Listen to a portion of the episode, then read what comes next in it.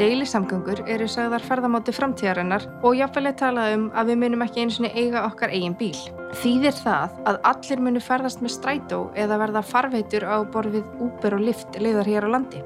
Tekur hugtaki deilisamgöngur á fleiri samgöngumátum en almenningssamgöngum og engabílnum?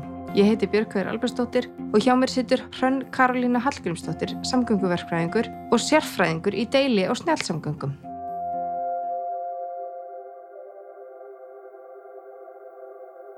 Hrönn, getur þú útskýrt þessi hugtök frekar fyrir okkur og hvað þau þýða fyrir framtíðar samgöngur?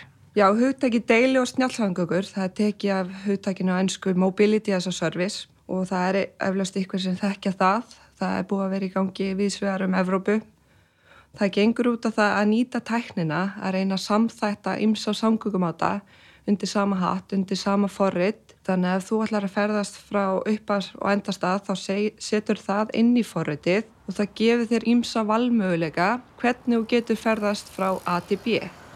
Og segjum svo að ég er að ferðast frá Hafnarfjörði til Reykjavíkur og setja inn í forriðið þá getur að gefa mér upp að ég get farið á hjóli á næstu stoppstöð og þaðan strætónir í bæ og tekið svo jafnvel deili hlaupahjól eða deili hjól síðustu kílometrarna. Þannig að þetta flokk heitir sem fyrstu og síðustu kílometranir að stoppustöð og frá stoppustöð til að brúa bylið. Að því það er oft talað um göngufjalla 400 metrar en ef þú til dæmis hjólar þá ekst hérna, radíusinn og getur farið upp í alltaf 1,3 km og þá lengir það svæðið það sem þú getur ferðast á þessum samgöngumátum innan vissan tímarama eða þú ert að hugsa um 30 mínutur versus uh, engabílinn að þá getur þú jafnvel nýtt hinn að ímsu samgöngumáta þannig að þú ert að koma á sama stað út. Þannig að það þýðir að ég þurfa ekki að vera með sagt, stræt og appi til að vita hvernig hann kemur, uh, einhver svona app fyrir hjólið eða, eða þetta hlaupahjól og svo kannski eitt yfirbót til að vita nákvæmlega hvað besta leið er að lappa. Þannig að þetta er bara allt í einu appi. Já, þannig að notenda viðmóti á að vera mun þægilegra og í rauninu hafkvæmara því að þá ert að tengja sama þess að samgöngum á þetta í staðin fyrir að þú ert að gera sjálf að reyna að reikna út tíman hvernig þú þarfst að fara þá er leiðsögukerfi sem tengir alla þessa samgöngum á þetta saman og getur bentir á hvað er hafkvæmasta leiðin. Hvar eru við svo stöndirunni í þessari vegferð hérna á höfuborgsvæðinu? Við höfum aðeins verið að skoða hérna, kortleggja höfuborgarsvæðið og ég raunin einna helst Reykjavík. Við höfum verið að vinna fyrir Reykjavíkuborg hvort það er hafkvæmt að innlega slíkt kerfi og samkvæmt okkar greiningum hjá mannviti er engi fyrirstaða fyrir og ef við tökum sem dæmi Döndi í Skotlandi sem er álíka stórt og Reykjavík með 100, rúma 140.000 íbúa þá var sett á uh, eh, pröfikesla í 6 mánu og þar voru teknir 99 manneskur að pröfa og fyrstu niðurstöðu voru bara mjög jákvæðar og það sem kom í ljós sem að kannski mjög áhugavert er að þessar manneskjur vissi í raunin ekki fyrir en eftir á hvaða samkökumöguleika þau höfðu. Þau álitið alltaf að engabílinn væri bara fyrsti kosturinn en eftir þessa tilraun þá sáu hvað væri mikið meira í bóði af samkökumátum að ferðast. Þannig að til að taka út frá því þá ef maður setur þetta í einhverja myndlíkingu uh, hvernig veistu hvort að matur er góður eða slæmi fyrir náður prófaðan. Mm. Þannig að í rauninni þarf svolítið að pröfa þetta hér til að fólk breyti ferðavennin sínum. Og ef ég tek annan dæmi með rafmakslöpahjól þá var Reykjavíkuborg fyrst með tilrönd fyrir einu og hálfu ári, sumari 2018, með útlegu á rafmakshjólum. Og legði þetta út í sex vikur í senn til, með minna hafa verið 5-10 manneskur í senn og niðurstöður sína að þá voru nokkur sem kefti rafmakslöpahjól eftir þessa tilrönd og nokkri sem eru að hugsa um að kaupa rámagsjól. Þannig að þetta er að aukast, þannig að svona þekkingin, þú þarf kannski að pröfa áður en að þú segir hvort það er gott eða slemt. Núna erum við að taka þetta upp hérna neyri miðbareikja ykkur. Það að, þurfa að ferðastinga tók greiðanlega tíma. Ertu þá að tala um að þetta geti hjálpa til við að minga umferðina og, og þá minga mengunina enn í borginni? Þetta gæti hjálpa til. Eh, tæknin einu sér er ekki að fara að breyta umfyrraflæðinu en það getur hjálpa til.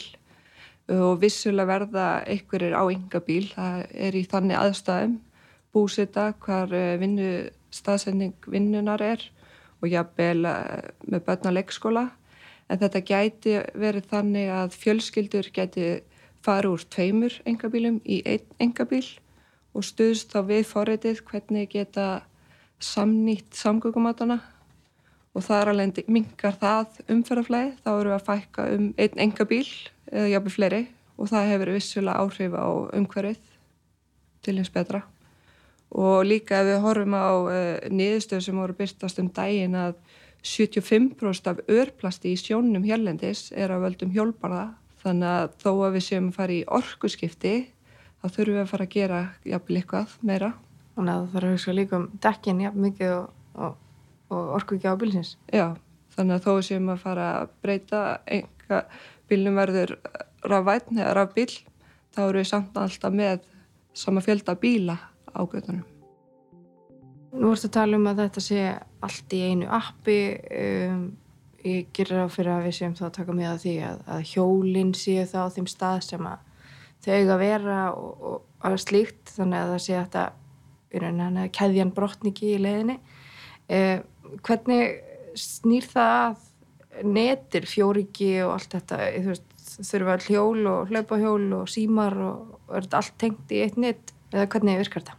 Já, í rauninni, það hérna kannski flókið að útskýra að þetta heitir API, Application Program Interfaces. Það er kannski svolítið út fyrir svona það sem við erum að hugsa, en hérna bara svona til að útskýra þetta betur. Það er sem sagt kóðar hjá vissum fyrirtækjum eins og deili hlaupahjól, þá gefa er það til viss fyrirtæki sem heldur utanum þetta forrið og sapnar því frá öllum deili þjónustum strætó undir sama hatt. Þannig að geta tengt öll þessi brút frá leðsögukerfi og þá getur við fengið nákvæmar staðsynningar þó að sé eitthvað frávik til og frá. Hvar deilihjólin eru og deili hlaupahjólin eru og þá tengir það en það getur líka vissulega haft áhrif ef að þú ert að fara frá ATB og síðasti kílometrin þú áallar að taka deili hlaupahjól en svo eru kannski ykkur í millitíðinu búin að taka deili hlaupahjólið og þá er ekkit eftir þegar þú kemur á staðin Já, Sýrst þannig að það eðlilega getur gerst. Þannig að það getur gerst, þannig að það er kannski að finna ykkur leið við því að spórna við því að þú komir ekki bara tómendur að enda stöð og þá þurfur að fara fótgangandi rest. En núna hefur maður verið á fjölförnum stöðum og netið hefur kannski feilað. Er það að fara að gerast í þessu? Það, það getur alveg gerst eins og með margt annað að hérna, allir þetta netið niður og eins og með 4G ætti að vera nóg fyrir þetta en hérna 5G það getur gert það verkum að, að slís einhver starf kemur strax inn í kerfið og þá breytir forritið nei farið þessa leið hún er hafkamarið það slís þarna.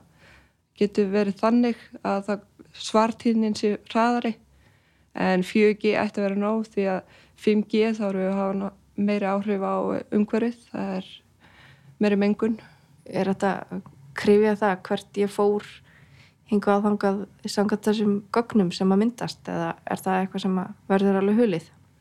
Það verður alveg hulið og það er ekki hægt að sjá hvort Jón Jónsson frá, fór frá þessu stað og hingað. Þannig í rauninni er þetta bara hitakort.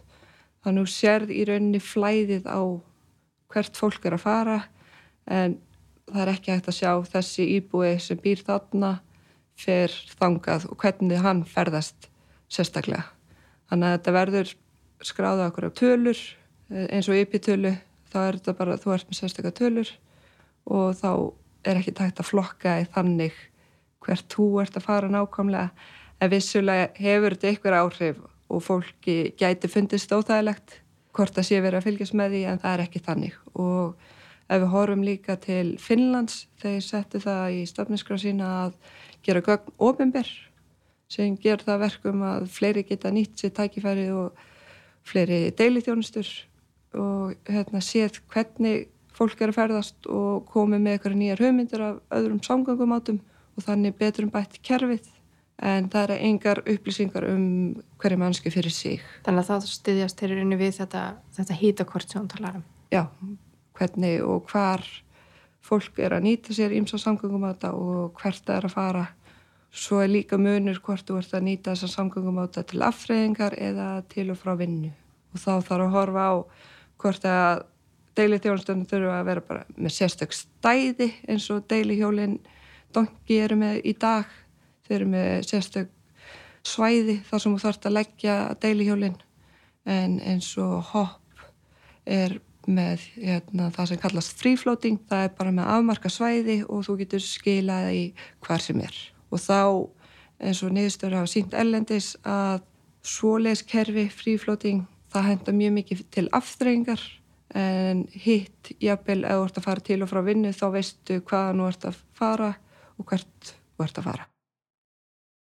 En hvað með þá farveitur og borfið útbúr og luft? Er það eitthvað sem við sjáum fyrir að koma inn í þetta kerfi? Það er jafnvel verið að opna fyrir þann möguleika. Það er búið að vera í skoðun en það gæti verið smá fyrirstaða fyrir þau því að þau verið að fylgja ákveðnum reglum hérna á Íslandi. Það á að sagt, afnema fjölda leifa eins og týðkast í Norðurlandum. Nú þegar eru um 650 leifi fyrir leigubilstjóra en það afnema það samkvæmt þessum gögnum en það er ekki búið að samþykja það en það þarf meira próf og það gæti hindrað að Uber og Lyft komi yngað því að það kostar vissulega og eins og við höfum séð ellendis þá er Uber og Lyft ekki að taka mikið háf fargjöld en þetta geti þá haft áhrif að fargjöld hækki sem gæti verið sam, sama og við, þekkjum hér fyrir leigubíla. Þannig að það gæti verið hindrun en þetta gæti komið. En það er kannski ólíklegt með að við, þetta er lítill markar og þá kannski meiri tækifæri fyrir íslensk fyrirtæki og frekar íti undir það heldur en að fara með fjárminu út úr landi.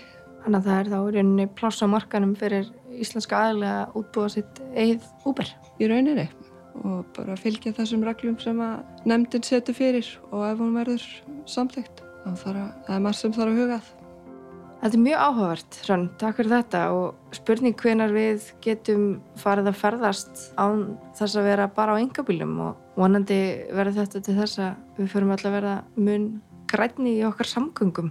Ég heiti Björgur og hjá mér er Hrönn, Karolína, takk kærlega fyrir komuna og takk fyrir að hlusta.